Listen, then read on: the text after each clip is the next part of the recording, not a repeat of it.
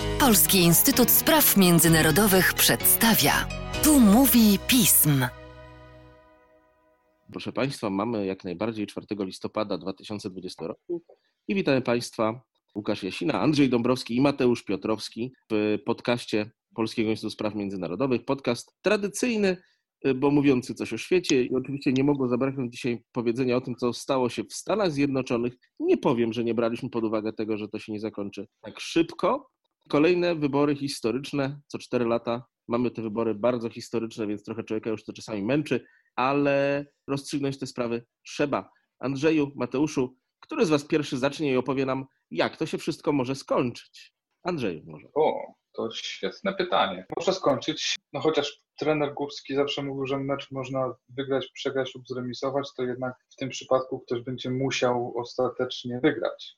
Ścieżek do tego jest kilka, wszystkie są rozpatrywane. Na razie my przynajmniej czekamy na policzenie głosów. Donald Trump już nie czeka na policzenie głosów, już no dosyć w taki sposób tradycyjny dla siebie odtrąbił swoje zwycięstwo. Mimo tego, że póki co matematyka nie jest do końca po jego stronie, to w ciągu kilku godzin może się okazać, że jest zupełnie inaczej. A nagrywamy ten podcast o wczesnej porze. Jeżeli faktycznie zdobędzie te 270 głosów, to z punktu widzenia tego, jak ta noc przebiegała, to okaże się, że jednak będzie trochę nudno. Przy ewentualnej sytuacji, w której żaden z kandydatów nie zdobędzie odpowiedniej ilości, to otwiera się zupełnie nowy rozdział życia politycznego Stanów Zjednoczonych w historii współczesnej, czyli decyzja o tym, kto będzie prezydentem, przejdzie w ręce Izby Reprezentantów. Tak daleko póki co nie spekulujemy chociaż robili to już za nas niektórzy amerykańscy dziennikarze na swoich magicznych monitorach, wskazując różne scenariusze Michigan dla Bidena, Wisconsin dla Trumpa, z Pensylwanią, bez Pensylwanii, z Nevadą, bez Nevady i wychodziło im, że mogą obaj na przykład dostać po, po takiej liczbie głosów, która nie pozwala im na, na jednoznaczne określenie się jako zwycięzcy, ale pozostajmy jednak póki co przy tym scenariuszu, że głosy są liczone i ewentualnie możemy jeszcze na pewno spoglądać w kierunku Sądu Najwyższego, który gdzieś tam majaczy na horyzoncie amerykańskiej polityki od jakiegoś czasu i pewnych zakusów prezydenta Trumpa, żeby swoje wątpliwości przelać właśnie na, na sąd i, i ostatecznie, żeby on to rozstrzygnął. Ja dalej stoję na stanowisku, że trzeba jeszcze chwilę poczekać że nie ty jeden na tym stanowisku stoisz. Mateuszu, widzimy jednak, że decyzja prezydenta Trumpa o tym, aby przyspieszyć kwestie nominacyjne w Sądzie Najwyższym, nie była całkowicie bez podstaw, jeżeli chodzi o jego przyszłość prezydencką, biorąc pod uwagę to, co powiedział Andrzej. Zdecydowanie nie.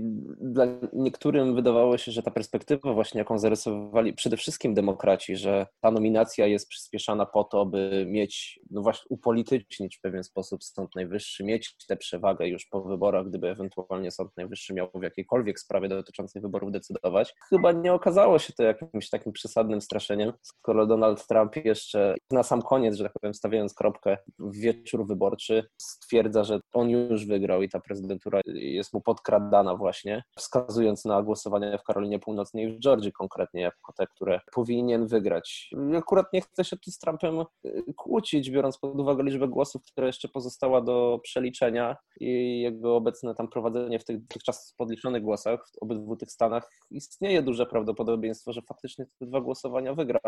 Natomiast no to, co Trump zrobił, czyli wygłosił to swoje oświadczenie, jednak wykracza poza jakiś tam standard amerykańskiej demokracji, chociaż chyba nie poza dobrego Donalda Trumpa, którego już mieliśmy okazję w różnym wymiarze poznać. Co do samego trwania procesu, oczywiście przeliczanie jeszcze zajmie kilka dni.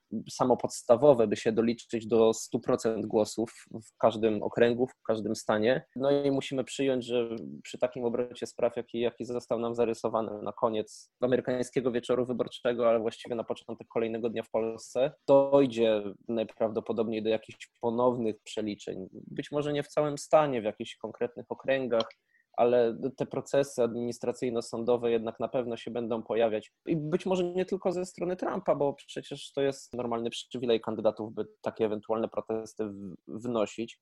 One na pewno będą miały różne podstawy, bo wątpię, że Biden chciałby y, iść śladem Trumpa i wnioskować o unieważnienie głosów korespondencyjnych, które raczej mu sprzyjały z zasady. Tak przynajmniej wynika z danych zebranych przez władze stanowe, ale jednak jest, jest to oczywiście możliwe. Albo będą to odwołania od protestów Trumpa i tak dalej, i tak dalej. W każdym razie z takim ostatecznym wynikiem faktycznie możemy się jeszcze nie zapoznać przez dużo dłużej niż do końca tygodnia, ze względu właśnie na te możliwości oprotestowywania, wchodzenia na drogę sądową, później składania apelacji. To może jeszcze trochę potrwać. Pytanie ostatnie jak na razie, bo nie będziemy naszego podcastu przedłużali. Jeszcze nas czekają kolejne, jak wynika z Waszych wypowiedzi. Myślę, że do Andrzeja. A jak z kolei oceniasz zachowanie Joe Bidena w ciągu ostatnich kilku godzin? On nie zrobił wprawdzie tego, co Donald Trump, ale także mówił o tym, że znajduje się właściwie na prostej drodze do zwycięstwa, on i jego zwolennicy. No, on to powiedział w sposób zupełnie inny i tu wziął, myślę, pod uwagę to, że jednak amerykańskie społeczeństwo jest rozgorączkowane, jest cały czas wydrgane, ono czeka na ten wynik. Te obrazki, które mogliśmy oglądać przez ostatnie kilka dni na ulicach Nowego Jorku, na ulicach przede wszystkim stolicy, czyli Waszyngtonu, że sklepy, hotele, nawet domy mieszkalne są, kolokwialnie mówiąc, zabijane dychami tylko po to, żeby uchronić się przed ewentualnymi skutkami jakichś rozruchów, przed wybijaniem szyb, przed plądrowaniem tych miejsc. Myślę, że Joe Biden doskonale zdaje sobie sprawę z tego, że podjudzanie jakichś nastrojów raczej no, nie będzie korzystne dla niego, na pewno nie będzie korzystne dla, dla jego wizerunku. Co innego pewnie myśli Donald Trump, no bo jednak jego styl polityki i, i tego, w jaki sposób ją uprawiał przez te cztery ostatnie lata, no to opierał się na, na różnych próbach podziału tego społeczeństwa. No nie można powiedzieć, że demokraci byli jacyś dużo lepsi, ale robili to trochę w innym stylu. To jednak Joe Biden liczy na to, że ten proces odbędzie się w sposób taki bardziej gabinetowy, że będą się spotkać prawnicy, wszystko będzie się odbywać przed sądami, ponowne przeliczenia i wszystkie te procedury będą procedurami a nie decyzją ulicy. Tego pewnie też oczekiwali jego umiarkowani wyborcy, że uspokoi sytuację, no ale to jego uspokojenie moim zdaniem nic nie daje i tak czy siak ważne miasta amerykańskie pogrążą się przez pewien czas w jakimś chaosie, dojdzie do różnych rozruchów, dojdzie do, do, do takich niepokojów, które będą zauważalne. I też trochę one będą działały na korzyść Trumpa, bo pewnie wszyscy będą chcieli mieć, będą mieli już za jakiś czas dosyć tego, co się będzie działo i pewnie pojawi się grupa ludzi, którzy po prostu powiedzą, dobrze, trzeba machnąć ręką, przetrzymamy te kolejne 4 lata, niech on to ma. Na pewno pojawi się też duża grupa ludzi, którzy powiedzą przeciwnie. Natomiast na tym podziale tak czy siak będzie chciał skorzystać właśnie Donald Trump, a nie Joe Biden. Tak jest. Panowie, poczekajmy. No, nie będzie to prawdopodobnie tak kulturalne jak w roku 2000, chociaż chyba w roku 2000 większości ludzi nie wydawało się, że to jest bardzo kulturalne. Jak standardy przez 20 lat są w stanie przesunąć, to już tylko historia wie. Dziękuję Wam bardzo i do usłyszenia pewnie wkrótce. Dzięki. Do usłyszenia.